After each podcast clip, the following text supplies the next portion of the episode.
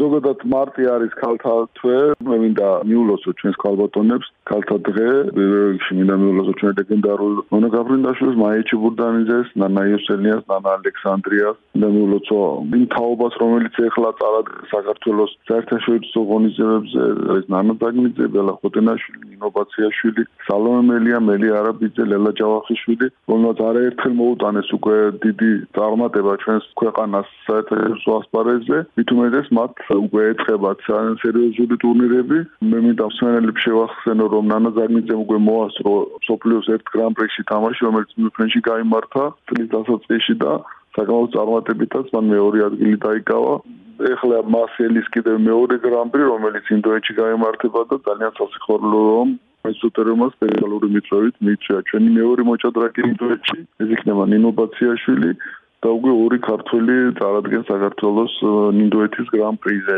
მარტის თვეში გამართება აგრეთვე ევროპის ქალთა ინდივიდუალური ჩემპიონატი, სადაც ჩვენი ნაკრების წევრები ბელა ხოტენაშვილი, სალომე მელია, მერი არაბიძე, ლელა ჯავახიშვილი მიემგზავრებიან საასპარეზოდ და მე მინდა მათ წინასწარ უსულო წარმატებები, ასევე ჩაერთვებიან ბრძოლაში ახალგაზრდა თაობაც, პატარები, სოფლიო ჩემპიონატი გამართება სასკოლო ასაკის მოჭადრაკეებს შორის და იქ ჩვენი ბიჭები და გოგონებიც მიიღებენ მონაწილეობას, ასე რომ ძალიან საინტერესო დატვირთული თვე გველის მარტის თვე და მე მინდა ყველა ჩვენ მოჭადრაკეს უსულო წარმატებების საერთაშორისო ასპარეზზე როგორც მოისმინეთ, სახელოვანი ქართველი მოჭადრაკე ხალებისათვის ტრადიციული დღესასწაულის მილოცი დაიწყო ჭადრაკის ფედერაციის პრეზიდენტმა საერთაშორისო დიდოსტატმა დია გიორგაძემ ჩვენი დღევანდელი შეხვედრა და მათი ღირსეულად გამოსვლის იმედით უახლოესი ტურნირების დაასახა. საერთოდ კი თქვენ იცით რომ თითქმის ყველა სახეობაში მაღალი რანგის ასპარეზობები გამართება ყველამდელ სეზონში რომელიც წარმატებით დაიწყეს ჩვენმა სპორტსმენებმა ძიუდოს და ტაშკენტის ტურნირის პერიპეტიებზე ჟურნალისტი ძიუდოს საერთაშორისო ფედერაციის კომენტატორი გიორგი ჭანიშვილი გვიამბობს. მოგესალმებით ძიუდოს გულშემატკივრებს ამ შემთხვევაში. რაკი 8 მარტის პერიოდია ეს დღეები პირველ რიგში ძიუდოს გულშემატკივრების სახელით ქალთა საერთაშორისო დღეს მიულოცავთ ქალებს. სხვადასხვის ძიუდოს ტაშკენტის გრანდსლემზე, რომელიც სულ რამდენიმე დღის წინ დასრულდა, ეს დღე არ გამორჩენიათ არც იქ და სპეციალური მიულოცვაც იყო ქალბატონებს. ბევრი ქალი ძიუდოისტია იცით სპორტის სამსახიობაში ჩართული და ამათაც მიიღეს სპეციალური საგანგებო მიულოცვები, ესე რომ სპორტული სამყარო ჩაერთო ამ მიულოცვებში, საროამარტო ქალთა საერთაშორისო დღის აღსანიშნავად. რაც შეეხება თავად ტურნირს ტაშკენტის დიდ სლემს ტრადიციულად ძალზე კარგად ჩატარდა ეს ტურნირი. 50-მდე ქვეყნის 500-მდე ჯუდოისტიდან მონაწილეობდა დაახლოებით და დარბაზი სამივე დღეს ივსებოდა და რაც შეეხება შედეგებს საქართველოს ნაკრების წევრთა მაჩვენებელი სამივე სინჯის მედალი ერთი ოქრო ერთი ვერცხლი ერთი ბრინჯაო და ძალიან კარგია რომ მედლის მოპოვება მოახერხა ეთერ ლიპარტელიანმა რომლისთვისაც მნიშვნელოვანია ძალიან აი ამ პერიოდში სალიცენზიო ქულების აგროვება და მაღალი შედეგების დაკავება, ეს ერთი ვერცხლი, ერთი ბრინჯაო ასევე აიღო მძიმე ზონაში გელა ზალიშვილმა, კარგია რომ ის ჩაერთო კონკურენციაში მძიმე ზონაში და ნუ რა თქმა უნდა, ვარლამ ლიპარტელიანი, ტაშკენტის გრანსლემის გამარჯვებული ოქროს მედალი მოიპოვა ვარლამმა. მისი თავდაჯერებისთვის ეს ძალიან კარგია, მისი მეექვსე ოქროს მედალი გახდათ ეს გრანსლემზე, იცით ვარლამის მიღწევები თამაშში ყველაზე ბევრი მედალი მსოფლიო ტურნეზე აქვს თორედ ვარლამ ლიპარტელიანს და ძალიან კარგია რომ ვარლამი დაბრუნდა. ხალხაშორის ის ვერ ხუმრობდა კიდეც აი ამ ოქროს მედლის მოპოვების შემდეგ მიცემულ ინტერვიუებში. თავის თავს უწოდა. მე უკვე ასაკში ვარო. ცოტა ასაკი შევემპარავ old man ვარო ასე თქვათ. თუმცა მიხვდა ამისაო მაინც მოახერხე გამარჯვებაო. ძალიან კარგია რომ პარტელიანი 34 წლის ასაკშიც კი ახერხებს იმას რომ ეს უმაღლეს საფეხურზე მოექცეს და ვიტყვით ეს ოფლიო ჩემპიონატის წინ ეს ოქროს მედალი ძალიან მნიშვნელოვანი იყო მის კარიერაში, რომელიც არის დატვირთული და სავსე მედლებით სხვადასხვა ტურნირებზე, თუმცა იცის გულშემატკივარმა, რომ სოფლიო ჩემპიონატზე და ოლიმპიურ თამაშებზე ვარლამს არ აქვს ოქროს მედალი და სწორედ სურს მას, რომ თავისი კარიერა დაასრულოს რომელიმე ტურნირზე ოქროს მედალით და ნახოთ მას წარმატება ვუსურვოთ. რაც შეეხება უკვე შემდეგ პერიოდს იცის გულშემატკივარმა ჩვენი ნაკრების ძირითადი წევრები, პირველი ნომრები, ასე ვთქვათ, ხო, ზონის კატეგორიებში, ლავ იაპონიაში იმყოფებიან, იქ სრულდება შეკრება, რომელიც ნაკრებმა გაიარა ტოკიოში, იაპონიაში და გამოცხადდა წინასწარი შემადგენლობა, რომელთა საქართველოს ნაკრები მიიღებს მონაწილეობას თბილისის დიდწლემზე 24-26 მარტს და უძლიერესი შემადგენლობა დარეგისტრირდა საქართველოს ნაკრებისა თბილისის დიდწლემზე, ასე რომ ჯიუდოს გულშემატკივარს უკვე თბილისში ელის ვარსკვლავსვენა, თუ ახლად აშენებულ სპორტის სასახლეში, სადაც კალაბურთის ევრობასკეტი გამართა შემდეგი გაჩერება არის თბილისი ჯიუდო სოფლიო ტურნეზე და გულშემატკივარს უკვე თბილისში ელის სოფლიო ჯიუდოს ვარსკვლავების ხილვის შანსი უკვე ექნება თბილისში ასე რომ შემდეგი გაჩერება თბილისია. ჯიუდოს სოფლიო ტურნეს შემდეგი ეპიცენტრი საქართველოს დედაქალაქი თბილისი გახლავთ. ევროპის ჩემპიონატის ნახევარფინალში საქართველოს მორაგბეთა ნაკრების გამარჯვება რუმინეთის ნაკრებთან შეხვედრაში 37-7 რასაკვირველია მოულოდნელი სრულიადაც არის არც სენსაციური და მაინც სპეციალისტის პროფესიონალის შეხედულება მოსაზრებები ჩვენი გუნდის თამაშზე არა მხოლოდ საინტერესოა საფუძვლიანიც და რასაკვირველია ალბათ გასაწვალისწინებელი საქართველოს დასახურებული თემურ გენდიაში 2023 წელი რაც დაიწყო რასაკვირველია ასაწყეში ბევრი ცვლილებები იქნება, ბევრი წებნა იქნება და ამიტომ ჯერჯერობით ისე დაალაგებული გუნდი არ იქნება როგორც კაშა როცა ისტორიული გამარჯვებები მოვიპოვეთ უელსთან და იტალიას.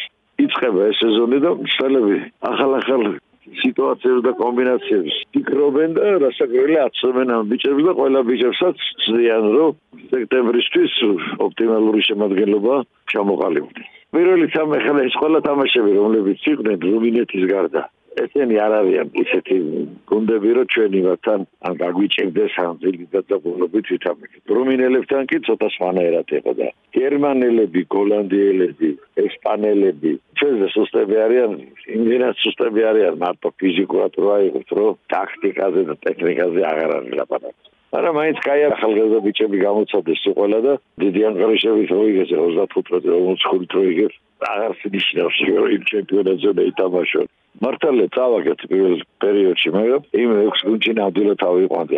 ჩვენ იმათან უფრო ახლო ვართ ვიდრე ამათთან ისე რომ ვთქვათ რა მეორე 6-ეული და წინა 6-ეული ამიტომ ადვილი თამაშები იყო და ბიჭებიც რასაკვირველია ნუ ინდომებზე მაგრამ ახალგაზრდა ბიჭები ბევრი იყვნენ. რუმინელების ნაკრებთან სადაც არ იყო ეს ადვილი თამაში ნამდვილად 24-7 მოვიგეთ ვანკალი ანგარის დიდია მაგრამ იყო ისეთი მომენტები როცა თანაბარიც იყო თამაში და როცა რუმინელებმა შეგვიტიეს კიდევაც სხვადასხვა თამაში ტრა რუმინელები არ არიან ისეთი გახსნილები. რთული თამაში იყო.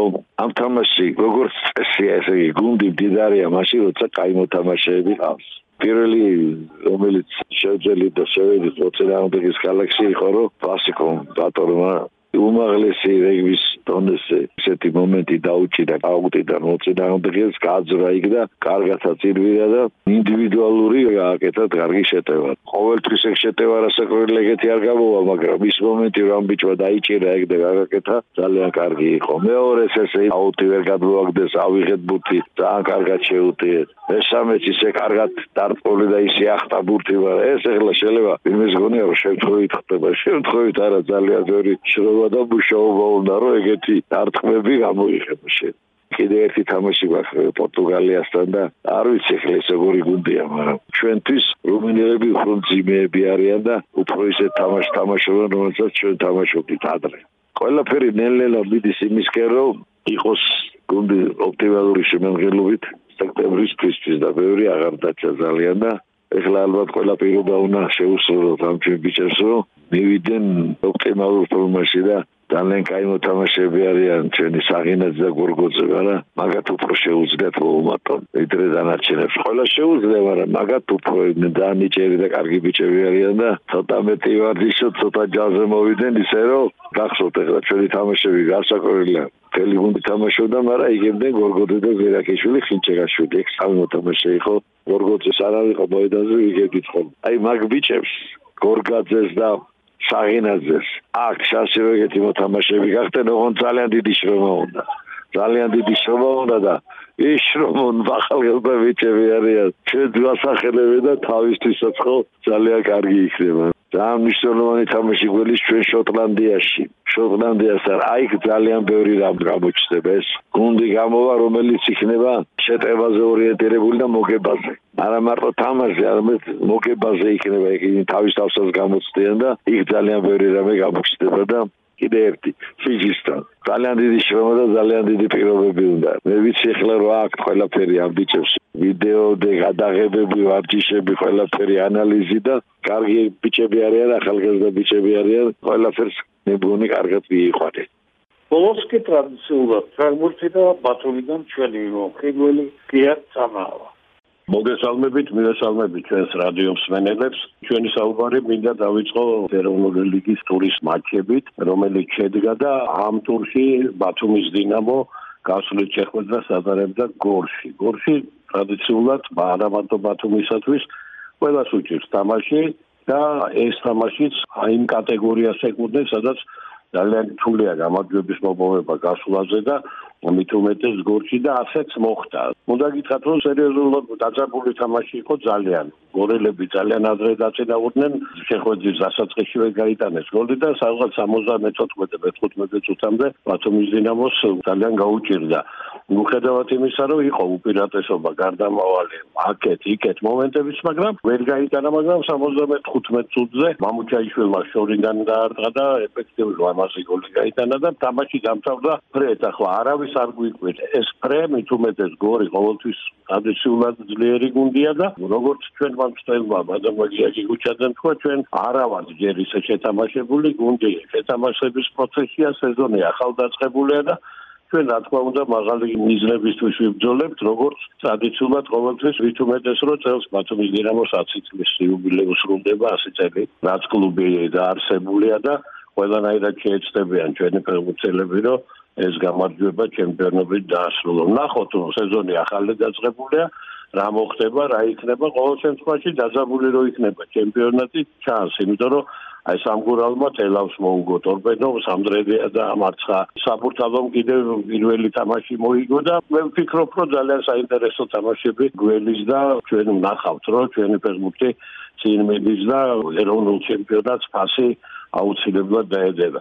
ეხლა რა შეეხება გაიმართა ევროპა ლიგის მატჩები და ყველა თამაში პრინციპში, მაგრამ რამდენიმე თამაში ისეთ განსაკუთრებულ ყურადღებას იჩენდა და მე მაინც ხალხს გაუსმევ ბავარიისა და პარი სენ-ჟერმენის თამაშს, რომელიც ვიხილეთ ტელევიზიით და უნდა გითხრათ, რომ ზუსტად ისე წარიმართა თამაში, როგორც სიმართლე გითხრათ ვებოდი, იმიტომ რომ გერმანელები ძალიან გაიგუნდია, ნუ შემადგენლობით პარიზი ძალიან კარგად იცის ფეხბურთის გულშემატკივარმა რას წარმოადგენს და ამიტომ აქ ნებისმიერი ანგარიში გასაკვირი არ იქნებოდა, მაგრამ რა თქმა უნდა გერმანელები როგორც ყოველთვის მობილიზებულები იყვნენ და ეს თამაშიც მოიგეს და შემდეგ ეტაპზე მეოთხე ფინალისკენ დაიძნენ. ასევე ვერ მოუგო მილანს ტოტენჰემმა, ისეთ თამაში იყო აკეთიკეთ ვადებნებდი თვალყურს იმართლე გითხრათ ამ თამაშებს და იქ საერთოდ დაძაბული კი არა, რა ვიცი, ალბათ საფეხბურთო ომი იყო, მაგრამ ვერ გაუტანა ის ერთადერთი გოლი, რომელიც მას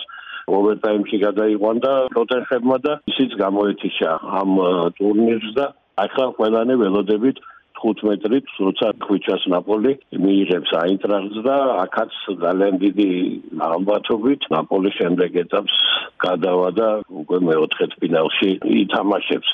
ასე რომ ფეხბურთი გახურდა, როგორც იტყვიან, სანაკრებო პაუზაც მოდის ძალიან სერიოზული თამაში ნორვეგიის ნაკრებთან და ასევე მინდა ვისარგებლო შემთხვევით და საქართველოს ფუტზალის ნაკრებს მიულოცო ელით რაუნდში გასვლა და რა ვიცი, წარმატებები უსურო, რა თქმა უნდა, ქართულ ფეხბურთს როგორც ყოველთვის და ქართულ გულშემატკივრებს და მეც მაგნაც რომ რაც შეიძლება მეტი ქართული ფეხბურთელი ვიხილოთ კარგუნდებში და რაც შეიძლება მეტი სანაკრებო გამარჯვებები ნახოთ. კარგად ბრძანდებოდეთ, დიდი მადლობა რომ მაძლევთ საშუალებას ჩემი აზრი გამოთქვა. წარმატებები ყველას.